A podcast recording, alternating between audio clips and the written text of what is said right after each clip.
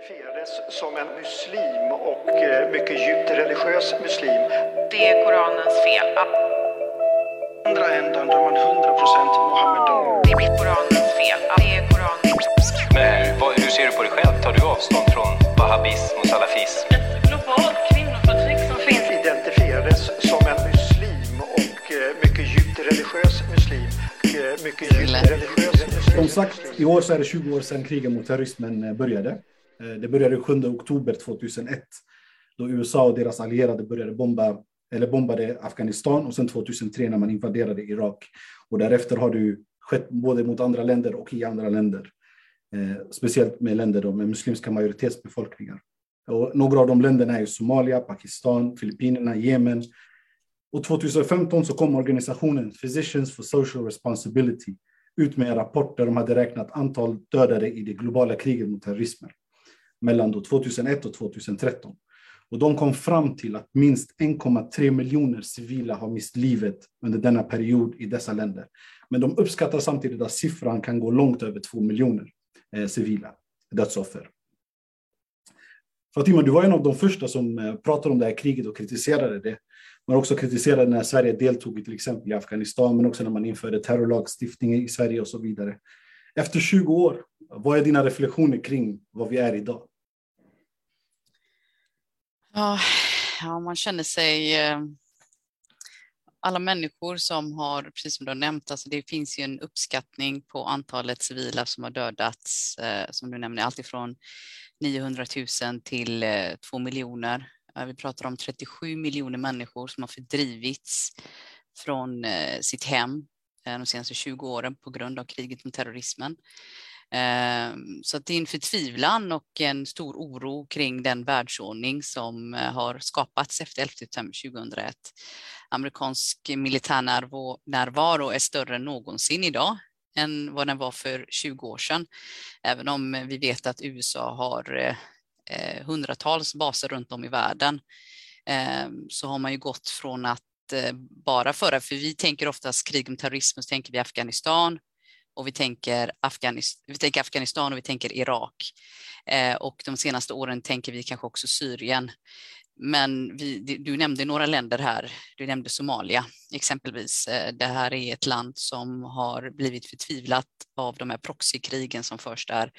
Eh, olika stater, bland annat eh, Sverige också, har haft sin närvaro där, har utbildat militär och så vidare. Där har människor eh, fått smaka på eh, både de här eh, olika intressena som finns där, men också de här drönarattackerna. Pakistan är ett sådant land också som är totalt destabiliserat på grund av kriget med terrorismen. De har ju också ett intresse i att talibanerna sitter kvar i makten i, i Afghanistan givetvis. Eh, och sen så ser vi nästan större delen av, de muslimska länderna i Mellanöstern som har eh, fallit. Ehm, Eh, och eh, där människor då har fördrivits från sina hem och det finns konflikter där. Så det är en total upplösning av eh, idén kring nationsstaten som, som har bildats i de här delarna av världen.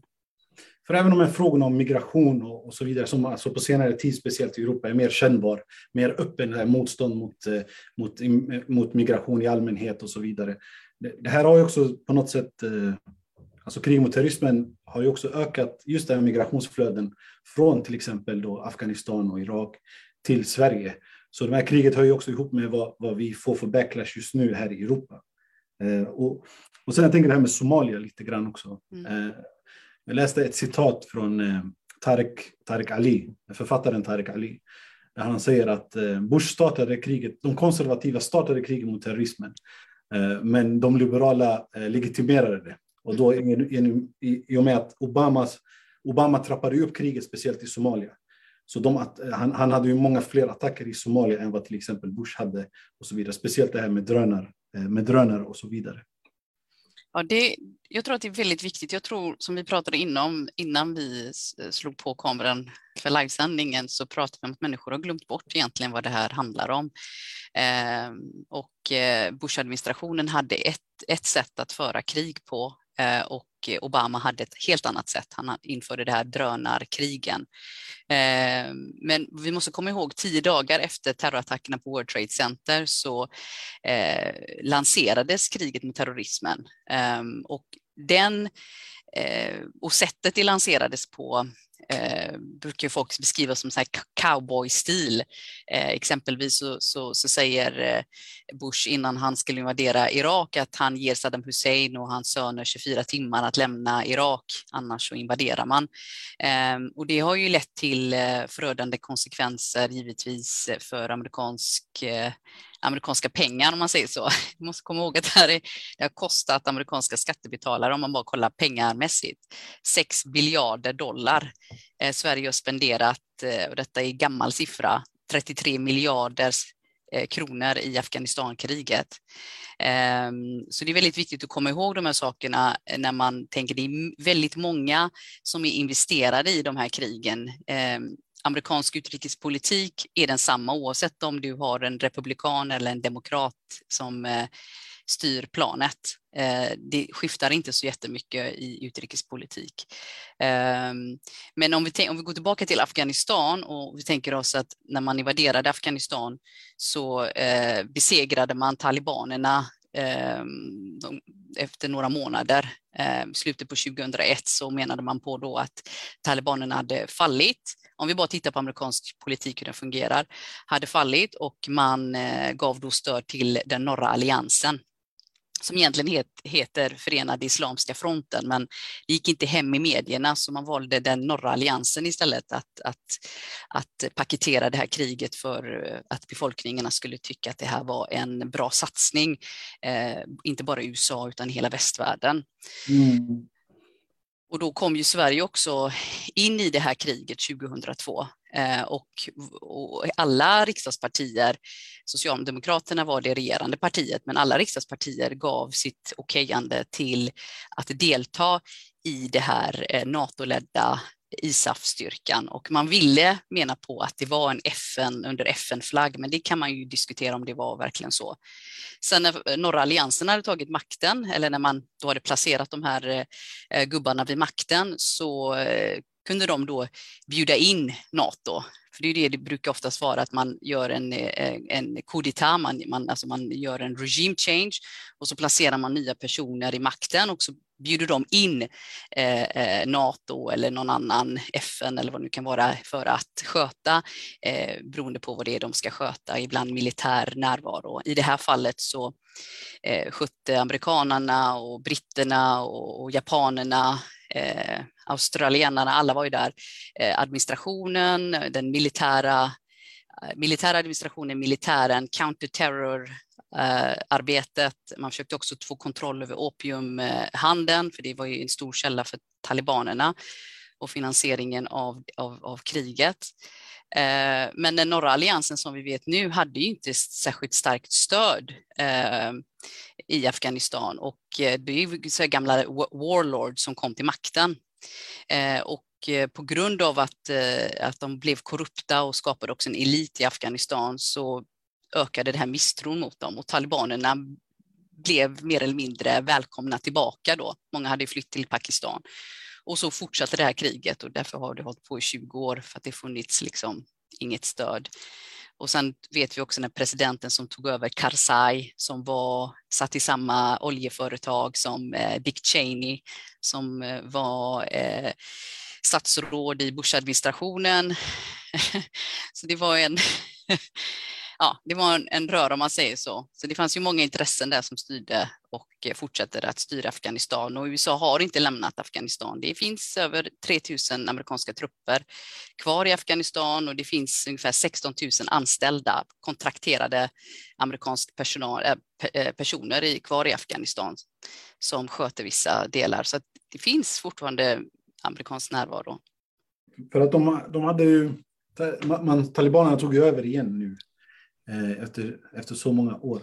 Och jag tänker att det är alltid intressant att veta, alltså, eh, man har fört ett krig då 20 år mot, mot just talibanerna, med liksom talibanerna som fond, att hela tiden att man måste besegra dem. Eh, man pratade allt om att rädda kvinnor, att, att rädda, mm. få flickor att kunna gå. Men efter 20 år så finns det tillräckligt, alltså, talibanerna är fortfarande där, så man har liksom inte lyckats på något sätt med, med det uppdraget. Samtidigt som du sa, alltså det är 37 miljoner som man uppskattar har drivits till flykt från de här länderna som har då bombarderats eh, under kriget mot terrorismen, men också så många som har dött. Eh, och när, när, man pratar om döda och flykt så kanske man glömmer alltså allting däremellan. Alltså människor inte kan gå till skolan längre, man har inte, alltså bara sådana saker som liksom en, en hygieninfrastruktur för Mm. avlopp, toalett, dusch. Alltså allt det där är ju förstört också under tiden. Så allt däremellan, mellan flykt och död, eh, drabbas ju också. Så att folk inte kan leva liksom vanliga liv. Jag tänker bara att om vi, om, om jag och du går ut här och vi blir kallade, liksom, någon, någon säger någonting till oss, det kommer liksom ta på vår energi hela dagen. Tänk då om det är faktiskt ditt liv som hotas väldigt konkret med, du vet att det finns invasioner och så vidare. Så att det är väldigt mycket däremellan som man inte brukar adresseras Mm. av hur mycket som, som påverkas.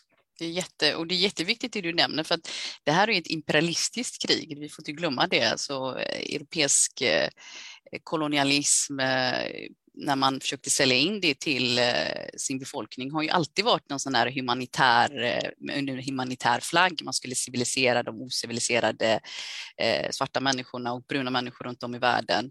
I det här fallet så handlar det om att rädda kvinnorna och flickorna och det tycker jag är en väldigt magstark propagandamaskineri eh, som sattes igång, liksom, att det här handlar egentligen om flickorna och kvinnorna som vi ska rädda. Alla vet att USA invaderade Afghanistan för att man ville att talibanerna skulle lämna ut Osama bin Laden och högt profilerade personer inom al-Qaida. Okay? Så George W. Bush pappa, nu får vi inte heller glömma George W. Bush senior Bush, han var ju vicepresident under Reagan Eh, administrationen på 80, mellan 80-talet, 83, 81 till 89. Han satt med talibanerna i Vita huset när Reagan sa att när man då, för att talibanerna är en produkt av amerikansk eh, imperialism givetvis, alltså man stöttade, Al man stöttade talibanerna mot, eh, mot Sovjet, eller hur? Eh, finansierade dem, gav dem militär träning, allting som vi ser nu med talibanerna igen som tar över. Ehm, och eh, 83 så bjöds de in till Vita huset eh, av Reagan och eh, dåvarande George W. Bush pappa då, senior Bush, där man likställde dem med amerikanska ehm, founding fathers, alltså grundarna till den amerikanska staten som amerikanerna ser väl, verkligen upp till och eh, även om de var många white supremacists allihopa, men, men de är viktiga i den amerikanska konstruktionen av sig själv. Liksom. Så att, och 20 plus år senare så var ta, samma talibaner ett problem för, eh, för am, amer, amerikanerna. Och nu ser vi 20 år senare så börjar man förhandla med talibanerna. Eh, förhandling med talibanerna började eh, redan 2015, om inte tidigare i Qatar Eh, där man försökte hitta de, de, goda talibanerna som man kunde förhandla med. Så att förhandlingarna har skett eh, de senaste åren med talibanerna att, att, att göra någon form av överlämning, för man visste att den norra alliansen, de har inget stöd eh, utanför Kabul. Nej, exakt. Och, och, jag tänker att efter 20 år av krig, alltså är världen säkrare. Alltså om talibanerna återigen är i makten eh, och, och liksom man har inte lyckats med, med, det, påstå, med det påstådda uppdraget som man hade och, och, världen blir allt mer osäkrare. Alltså vi har inte ett mer säkert, alltså det är inte så att kriget mot terrorismen har lett till att det har blivit en säkrare värld. Utan tvärtom, vi ser fler, allt, allt fler liksom krig bryter ut här och där och vi, vi ser attacker fortfarande. Vi ser också en utveckling i väst, alltså i lejonets gap. Så nu är inte lejonet bara ute i resten av världen, utan lejonets mm. gap också. Där man börjar också införa väldigt, väldigt här, man går emot sina egna principer. Man har liksom massa principer och, och till exempel en av dem är ju religionsfriheten. Eh, och sen när det kommer till muslimer så ser man att muslim, de muslimer som man disciplinerar är inte en del av religion utan de är islamister. De är, det är en ideologi så därför kan man liksom på olika sätt hitta vägar också att disciplinera dem. Så jag tänker 20 år av krig och världen är osäkrare. Mm. Världen är eh, kallare skulle jag säga. Eh, och det är väldigt mycket som händer runt om i världen. Det var någon som sa till mig, jag väntar bara på det nya skottet i Sarajevo och någonting kommer liksom eh, någonting kommer hända. Så det är väldigt många jag, som ser någonting i eh, så en utveckling där någonting stort faktiskt, ännu större än det som vi ser idag. Eh, vad tänker du? Vad, vad, vad är men, alltså, men det här är i linjen med amerikansk utrikespolitik och eh, NATO och även EU Eh, mission i världen. Alltså vi, vi, för oss tänker vi människolidande, vi tänker infrastrukturen, alltså man, människor kan liksom inte leva eh, normala liv, inte ha liksom de här grundläggande eh, eh, sakerna som krävs för ett drägligt liv, som du nämnde tidigare. Men det här är större än så. Alltså, om, bara de senaste mellan 2018 till 2020 så har USA deltagit i 85 op, eh, deltagit i operationer i 85 olika länder runt om i världen. Okej, okay? det, är rätt, det är rätt mycket. Alltså, det finns inget land som har den här kapaciteten att göra det.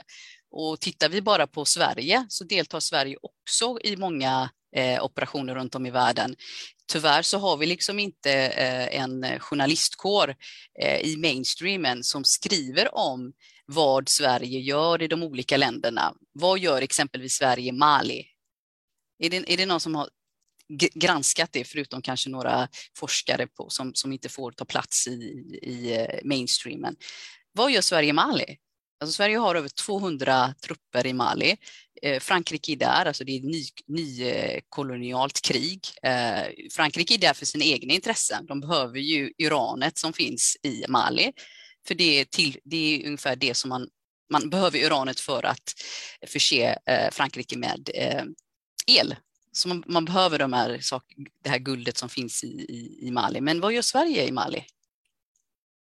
Ja, och då, då, då, kan man ju granska de här sakerna om man hade haft en journalistkår som granskar de här sakerna, inte bara, som inte bara skriver det som kommer från Försvarsmakten när de skickar ut pressmeddelande. Vad gör Sverige? Sverige, Afghanistan, Chad, eh, Somalia, eh, eh i, varit i Niger, alltså alla de här länderna. Jo, Sverige gör reklam för sin vapenhandel. Okay? Det som har gått utmärkt för Sverige, det är Saabs eh, eh det är vapenexporten och det företaget Saab som säljer vapen som har sedan 2001 bara eh, tjänat ännu mer pengar. Alltså det går bara spikrakt uppåt. Eh, och Sverige har nu idag en av de största vapenexportörerna eh, vapen eh, vad heter det? Vapenexporten. Exporter i världen. Så att eh, det, det, allt, för de här staterna så går ju allting hand i hand. Alltså det, det, krig är en lönsam eh, business. Inte för den enskilda människan eller för människor som bor i de här länderna, men för företagen så är det en lönsam business. Och det får vi inte glömma heller att människolidande, det, är, det kanske vi bryr oss om, men Men i det stora hela så, så eh, får det kosta vad det kostar eh, så länge man kan göra pengar och man kan också öka sin militärnärvaro runt om i världen. För, det finns ju en myndighet i Sverige, ESF tror jag den heter, som kollar på vapenexporten varje år och sammanställer sådana rapporter om hur mycket Sverige har sålt och så vidare och vilka länder man handlar med. Och jag, kom, alltså, jag kollade förra året när det kom ut 2020, eller 2021 sen det kom ut för 2020 då rapporten. Eh, och då man, man, alltså man säljer till krigsförande länder, man säljer till mm till länder som USA, man säljer till Turkiet till exempel. Och man, man säljer liksom vapen och, eh, alltså, inte bara, alltså när vi säger vapen, det är liksom inte 9 mm, alltså det är, det är liksom, alltså vapen, alltså ordentliga vapen som, som, som dödar folk. Så det är precis som du säger, att det finns ju en anledning till att också Sverige har intresse i de krigen som förs eh, runt om i världen. Men, men också, kommer... förlåt, men, men också så att det finns den militära närvaro, men också så här, vad man också deltar i att utbilda militärer runt om i världen. Eh, så det är liksom så här, vapenexporten är en sak och sen så hjälper man att, att, att träna oftast diktaturers militärer. Så man gör ju många olika saker i det här kriget mot terrorismen. Så det handlar inte bara om så här, Irak och Afghanistan där det var en invasion Eh, mm. Utan det handlar också om att stötta totalitära regimer och deras militära eh, kapacitet genom att träna dem, genom att sälja vapen till dem och på det sättet också kunna se till att de behåller makten i de här delarna av världen. Du, alltså, kolla bara, första svarta presidenten i USA bildade någonting som hette Africancom. Okay, så amerikansk närvaro i Afrika har aldrig varit så stort som det är idag. Och USA är närvarande i eh, dussintal afrikanska länder där man också tränar militär, man säljer vapen och så vidare. Så att, eh, eh, och Sverige är också med i delar av de här operationerna som finns i Afrika. Ehm, för Afrika är det landet som sticker ut mest vad gäller drönarkrig eh, landet, den kontinenten som sticker mest ut vad gäller drönarkrig och, och Mellanöstern, västra Asien, som, som, som, som syns i de här rapporterna som görs där man skickar drönar drönare och döda civila. Och mm. detta sker liksom operationer som sker ofta. Okej. Fatima, jag tänkte att vi skulle dra det här till, eh, till Sverige, alltså in i lejonets gap. Återigen, att vi, vi liksom kommer tillbaka hit. För de här, allt som vi pratar om har ju haft effekter på det inrikespolitiska planet också. Så att det är väldigt många saker som har hänt i Sverige. Eh, på tal om flykt till exempel så är det Eh, det har till och med startats grupper på Facebook som jag känner till som, som handlar om hijra härifrån, alltså att man emigrerar härifrån. Det är väldigt många som börjar någonstans i bakhuvudet tänka på att alltså för att rädda mig själv och min familj så kanske det är dags att gå någon annanstans för att det börjar bli hett här. Eh, så det finns ju ett samtal. Jag vet inte hur stor och bred den är, men det finns i alla fall ett samtal som har börjat komma igång där alla pratar om en B-plan. Så de här sakerna har ju haft också en effekt på hur vi pratar om eh, hur vi pratar om oss själva, men också hur vi pratas om i, i offentligheten. Eh, vad man förknippar muslimer och islam med och, och, och så vidare. Och jag tänker om man, om man en av de sakerna som du kritiserade väldigt tidigt, eh, jag tror det är 2005, 2004 som du skrev en artikel, eh, bland annat som kritiserade den föreslagna terrorlagstiftningen på den tiden. Eh, och, och om du bara kunde dra igenom, bara snabbt, vad, vad, vad är de inrikespolitiska Eh, konsekvenserna av det här kriget i början och det som du då lyfte från början att eh, terrorlagstiftningen till exempel var problematisk. Eh, vad, vad handlar det om?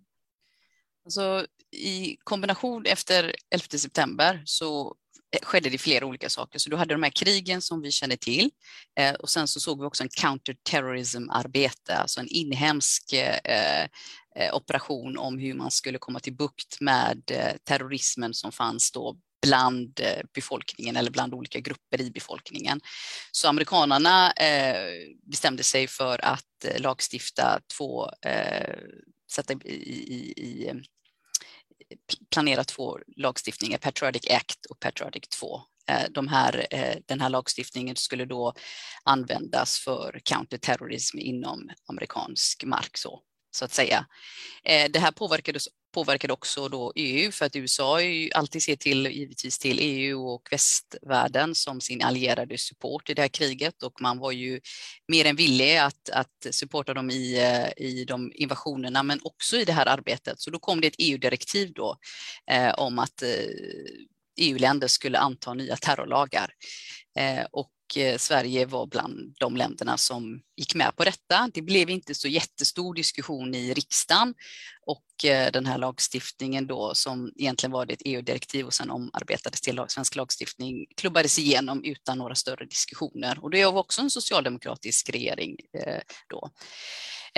Men den fick väldigt mycket kritik från människorättsorganisationer och advokatsamfundet delvis på grund av att den var vag begreppet terrorist hade inte definierats och sen är ju också eh, en, det är vad man brukar säga så här, exempelvis eh, talibanerna var terrorister för 20 plus år sedan, idag är de eh, en samarbetspartner.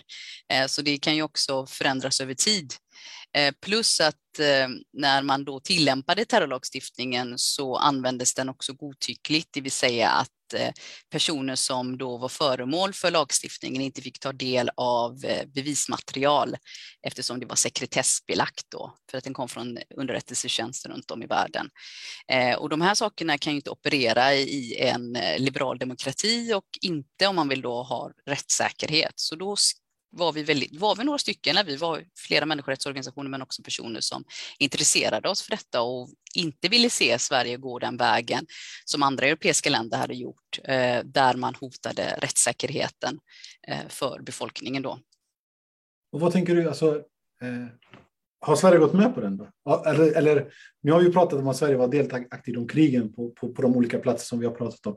Men eh, vad, vad, tycker du nu 20 år senare, eller nu kanske det är 17-18 år senare som, som, som, du har skrivit de här första, eller varit med och kritiserat de första ut, ut, eh, utkasten av de här lagarna, eller till och med enacting, att de faktiskt blev lagar. Vad tycker du nu, i, här, 20 år senare? Var är vi nu? Är Sverige på väg åt rätt håll? Eller kanske en lite ledande fråga, men... Eh. Nej, absolut. Alltså, Sverige har ju sedan dess antagit eh, eh, tio olika, tiotal eh, lagstiftningar eller tillägg till terrorlagstiftningen. Så den har ju expanderat. På det också så har vi ett, ett mer övervakning. Alltså, jag kommer ihåg när FRA-lagen skulle bli när den debatterades i riksdagen och det var riksdagsledamöter som grät och sådär och som inte egentligen ville rösta emot. Och, och det var värsta debatten i Sverige för det fanns fortfarande liksom i gräsrötterna men också i mainstream media en, eh, en kritik mot vart vi är på väg och det fanns utrymme att debattera de här eh, sakerna inte bara vad gäller terrorlagstiftning men också det mer övervakningssamhället som eh, politikerna ville att vi skulle gå emot.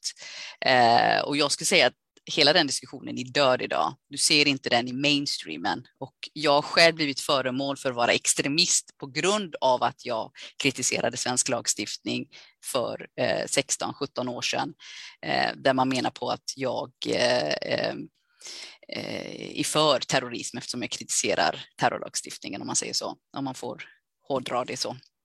Så att jag, vi har ju inte gått åt, åt rätt håll, absolut inte. Vi har gått åt fel håll och det är inte jag som säger detta, det är ju människorättsorganisationer men också forskare som forskar i hur liberala demokratier, att det skett eh, mer eller mindre ett paradigmskifte i respekten för mänskliga rättigheter och demokratiska fri och rättigheter. Det ser vi överallt i hela världen, inte inte minst i västvärlden, som egentligen ska på något sätt vara the champion of human rights, eh, som idag nu eh, hellre säkerhet över mänskliga rättigheter. För jag, jag, jag, jag, tänkte, jag var ju väldigt ung när alltså, kriget mot terrorismen startade. Jag var, vad blir jag då? Jag var 12, 12 år gammal. Eh, och jag minns det lite så här väldigt... Jag minns i skolan, de skulle hålla tyst minut och jag minns att man pratade om det. Jag kommer ihåg att man, vi, vi såg det i... Eh, eh alltså, de visade om liksom, klippen och, och så vidare. Man diskuterade det, men jag, jag, minns inte... Jag minns inte exakt vad som hände. Det jag minns bara är att eh, eh Alltså det landade inte i skolan. Det var inte liksom någon som, det var inte någon som så här, reagerade någonting eller på något sätt tyckte att det var någonting, någonting märkvärdigt på det sättet. Eh, men det som jag försöker så här minnas eh, är där efteråt, vad som har hänt. Alltså var är vi idag och hur, hur har det gått? Och då så här, så här försökte jag skriva ner innan samtalet eh, vad, vad som har hänt. Alltså vi har haft fängslade muslimer. Vi har haft liksom folk som har varit på Guantánamo, som har tagits till Guantanamo och därefter släppts. Vi har också haft personer som har deporterats, alltså kidnappats härifrån av amerikansk säkerhetstjänst till Egypten. Eh, vi har också fängslade mm, som har tagits, till 2010 var det flera familjer som fick besök av besök utav Säpo och, och, och liksom polisen och sen togs de Eh, och hölls liksom misstänkta fastän det var sen falskt alarm. Eh, vi har nedlagda föreningar, eh, vi har nedlagda skolor, vi har exkludering i offentligheten, precis som du sa att man har kallats extremism och därmed inte får tillgång till offentligheten. Eh, socialtjänsten har ju en väldigt stort fokus, eller har börjat ha ett allmänt större fokus på radikalisering i, i muslimska familjer. Eh, man har pratat om förbud av slöja, man har också infört delar av ett förbud av slöja, till exempel genom EU-direktivets Eh, till, eller EU där, där man har sagt att arbetsgivare har rätt att till exempel neka någon anställning om, om huvudbonaden utgör eh, ett så kallat neutralitetshinder eller och så vidare. Eh, förbud av böneutrop har också tagits och varit förslag. Speciellt Kristdemokraterna har varit väldigt aktiva på den fronten till exempel. Förbud av bön på arbetsplats har vi sett i några kommuner har kommit upp. Eh, inskränkning av åsiktsfrihet och tankefrihet, det vill säga att man ifrågasätter vad dina egentliga motiv är. Eller vad, eh, man påstår att okay, Fatima, Amanj, någon annan tycker och tänker egentligen de här sakerna. De säger inte bara det offentligt, så att man på olika sätt hindras då i sin egen möjlighet att formulera eh, sina tankar och, och åsikter. Yttrandefriheten självklart villkoras också. Och det är alltid intressant det här med yttrandefriheten, för det förknippas alltid oftast med, med, med muslimer, att muslimer vill förhindra det. Men om man ser på det totala hela, jag kommer ihåg att vi gjorde på Nyans Muslim en sammanställning av eh, vem som pratar om ordet islamofobi i offentligheten. Och då är det fyra av 180 artiklar där det är muslimer som pratar om det. Resterande Eh, artiklar egentligen, det är, det är inte muslimer, eh, utan det är tvärtom. Det är människor som påstår att islamofobi tystar. Islamofobi, ordet islamofobi är liksom ett något slags hot eh, mot den fria debatten och så vidare. Så muslimer diskuterar inte ens islam överhuvudtaget själva mest och inte heller eh, eh, begreppet islamofobi.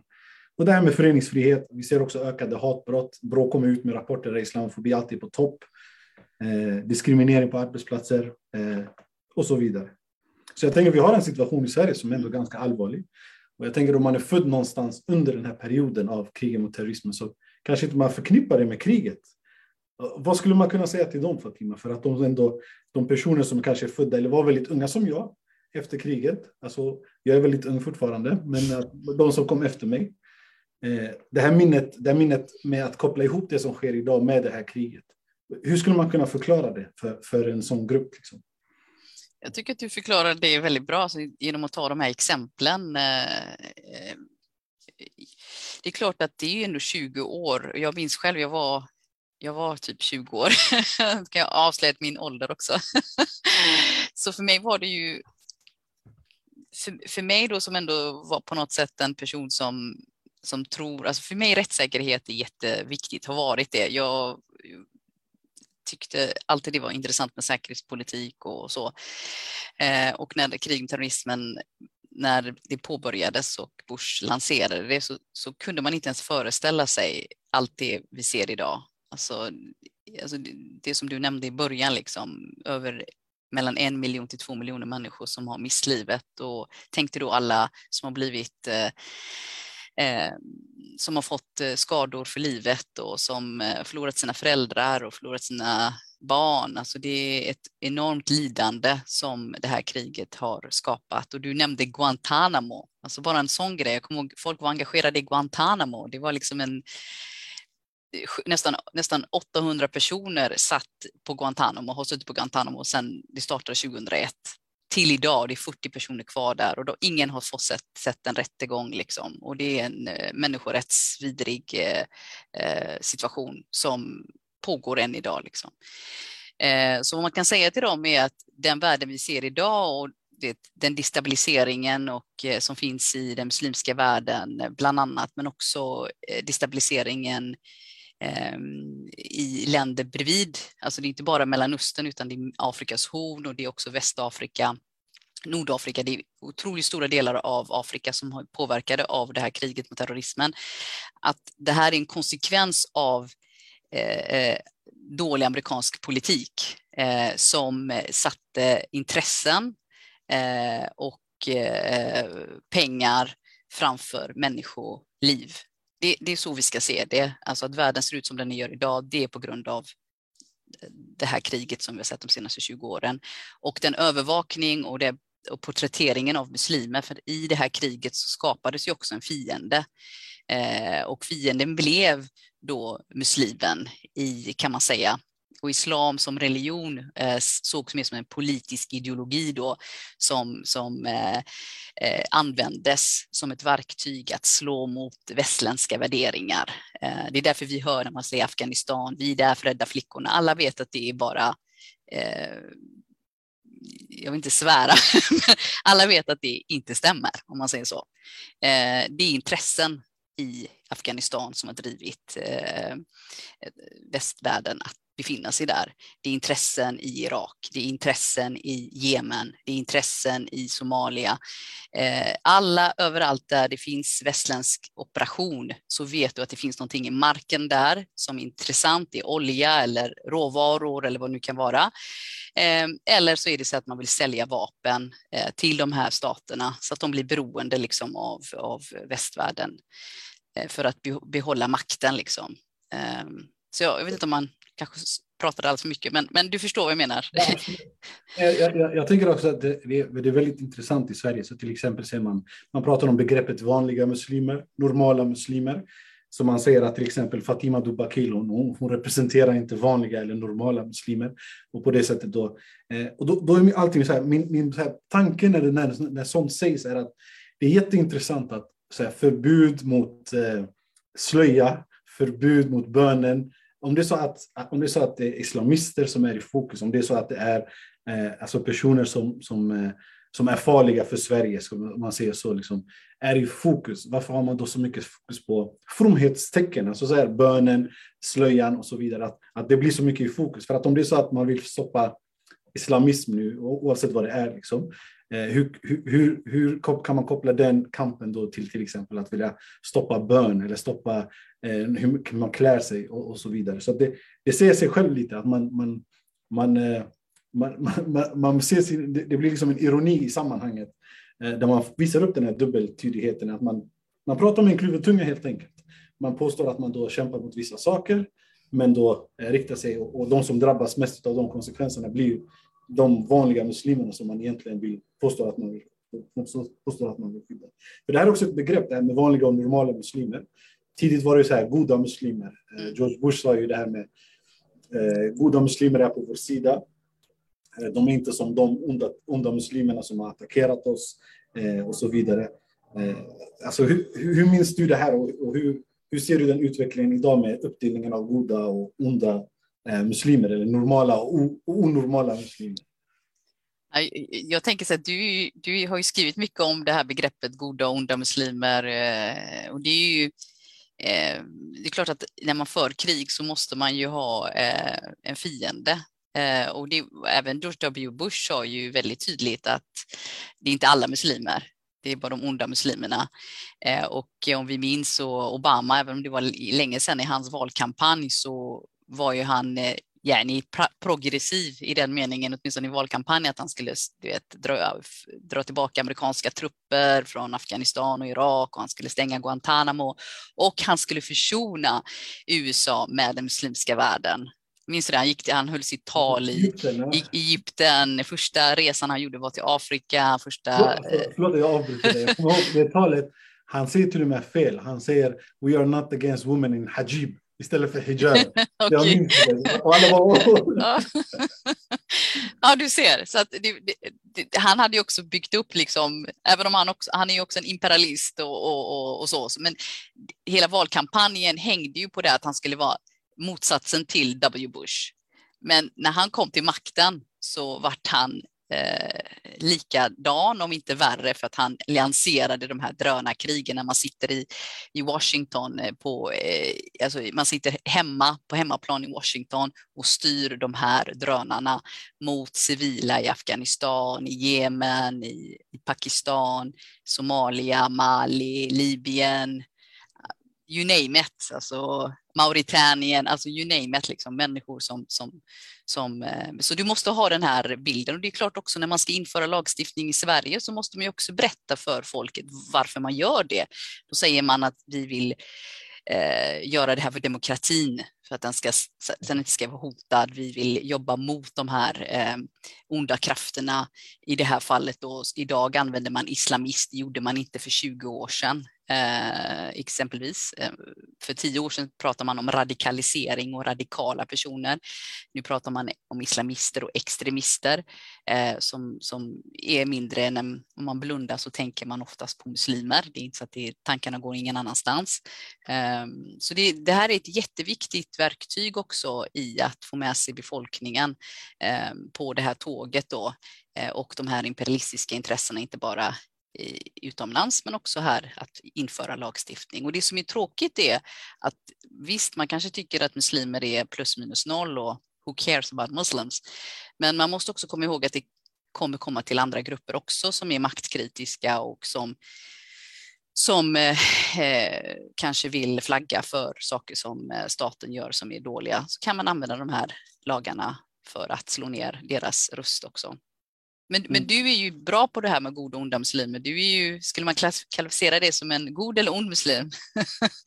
alltså jag, jag, tror att det, det, är jättebra det du säger, att vad man kallades förr och vad man kallas nu. Jag tror att ett av de, alltså om, om man verkligen kollar på det tillbakagång så ser man en utveckling av diskursen. Där man ser att alltså från början är det handlingar som man försöker då angripa. Man pratar om terrorister, liksom. det är politiskt våld som man försöker angripa.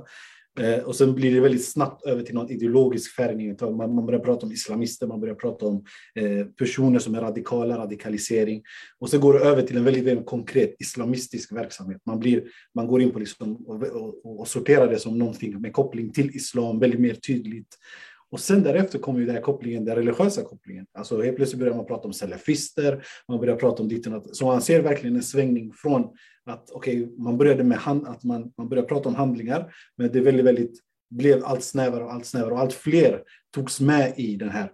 Och ibland eh, folk, även muslimer, brukar fråga mig, man, hur, hur är till exempel de här rapporterna som publiceras om muslimska brödraskapet eller varför är de islamofobiska?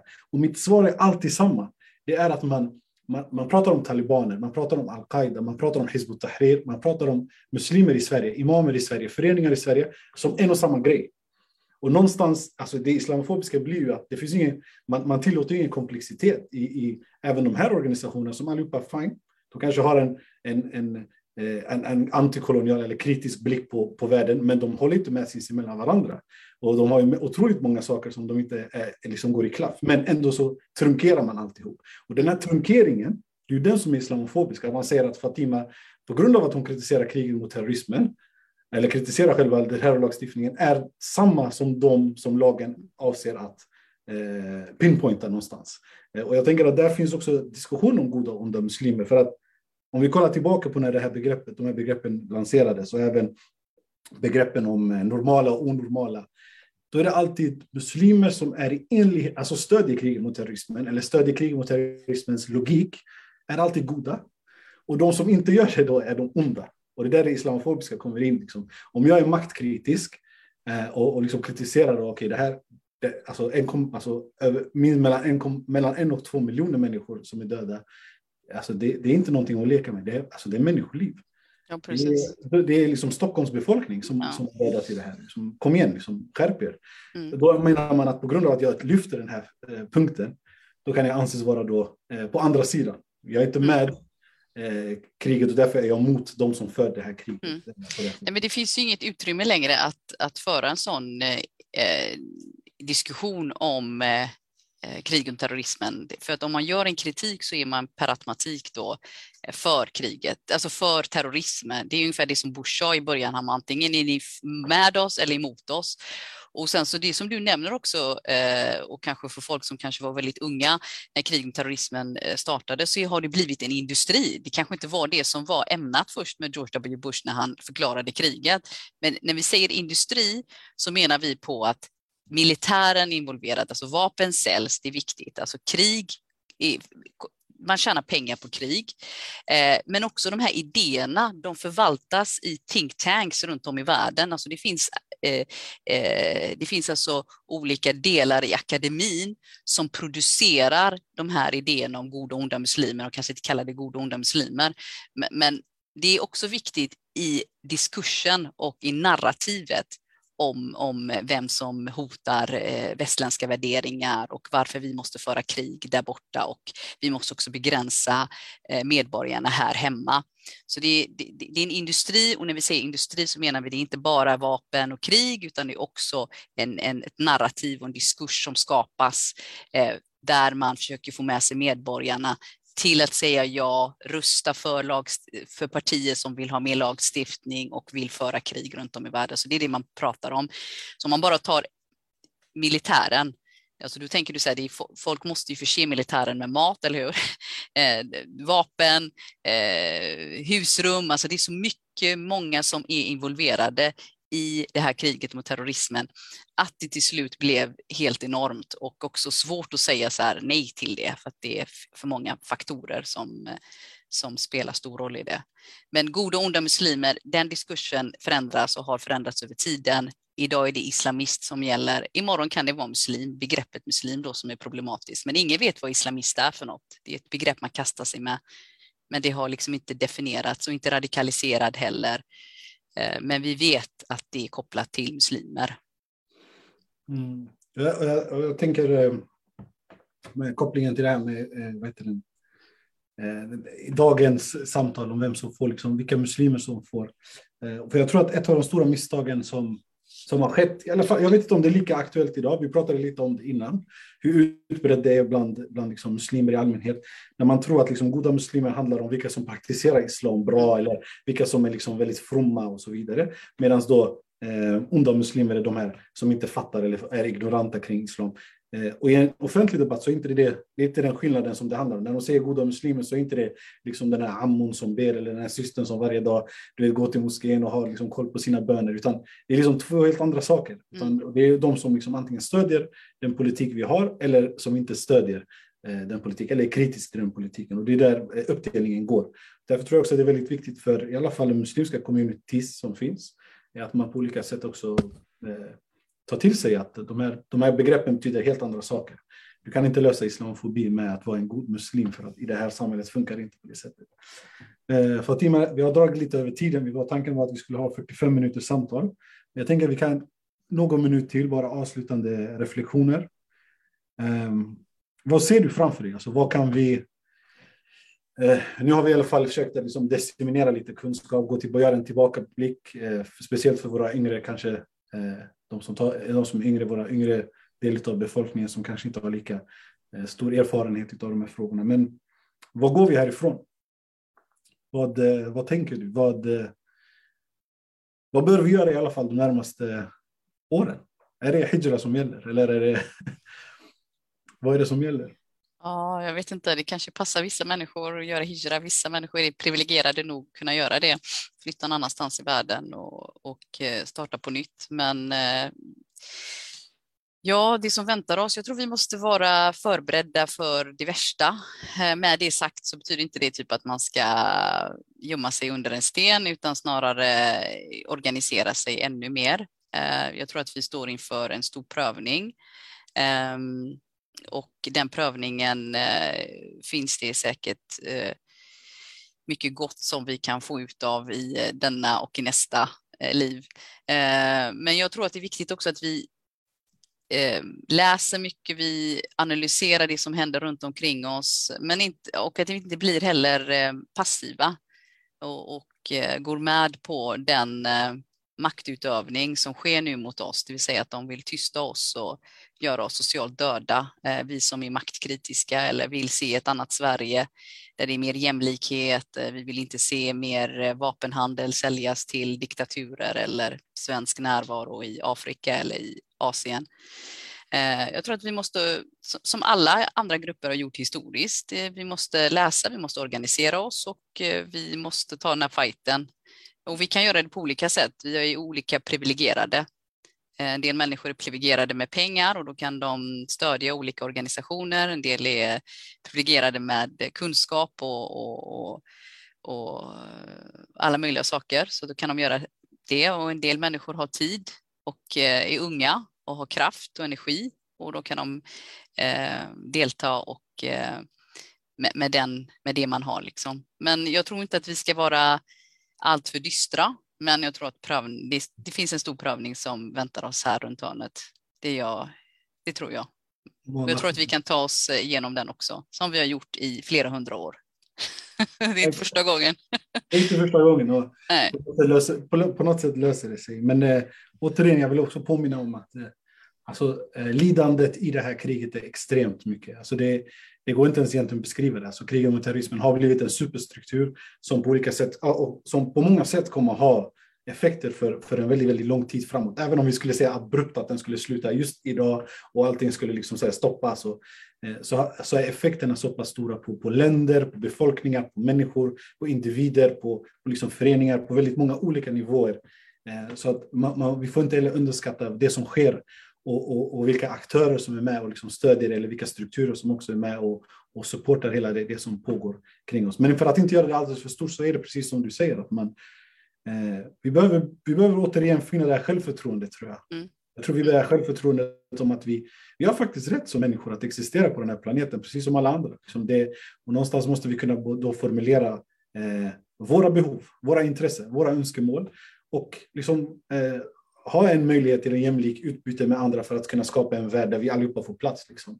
jag tror liksom det är någonstans kärnan i vad, eh, vad vi behöver hitta.